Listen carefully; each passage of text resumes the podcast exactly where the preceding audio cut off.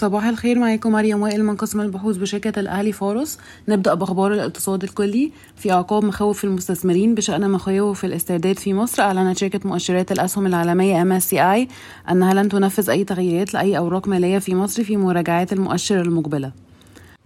سجلت أرقام التضخم لشهر إبريل 30.6% على أساس سنوي انخفاضا من 32.7% على أساس سنوي في مارس 2023 كشفت وزارة المالية ووزارة التخطيط عن أهداف السنة المالية 23-24 وهي نمو الناتج المحلي الإجمالي سينخفض إلى 4.1% سيبلغ متوسط معدل التضخم 16% خلال فترة ال 12 شهر اتساع العجز المالي إلى 7% من الناتج المحلي الإجمالي وزيادة الفائض الأولي إلى 2.5% عائدات 70 مليار جنيه تقريبا 2 مليار و260 مليون دولار من خلال برنامج الخصخصة.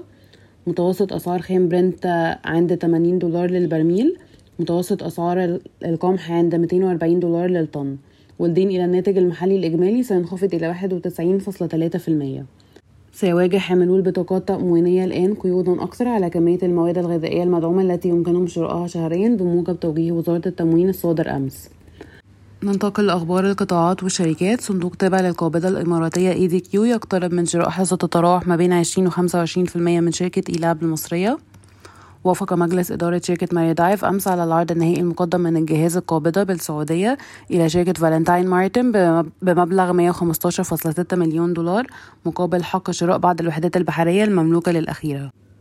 تخطط شركة إعمار مصر للتنمية افتتاح فندقين جديدين هما Address Marassi Beach Resort و Vida Marina Resort and Yacht Beach and Yacht Club Marassi في الساحل الشمالي 2023 و Vida Residence Cairo Gate في القاهرة في عام 2024 يطبق مشروع التأمين الصحي الشامل حاليا في بورسعيد والأقصر ويتم تجربته في جنوب سيناء والإسماعيلية كما ستمتد تجربته إلى أسوان والسويس في غضون أسابيع.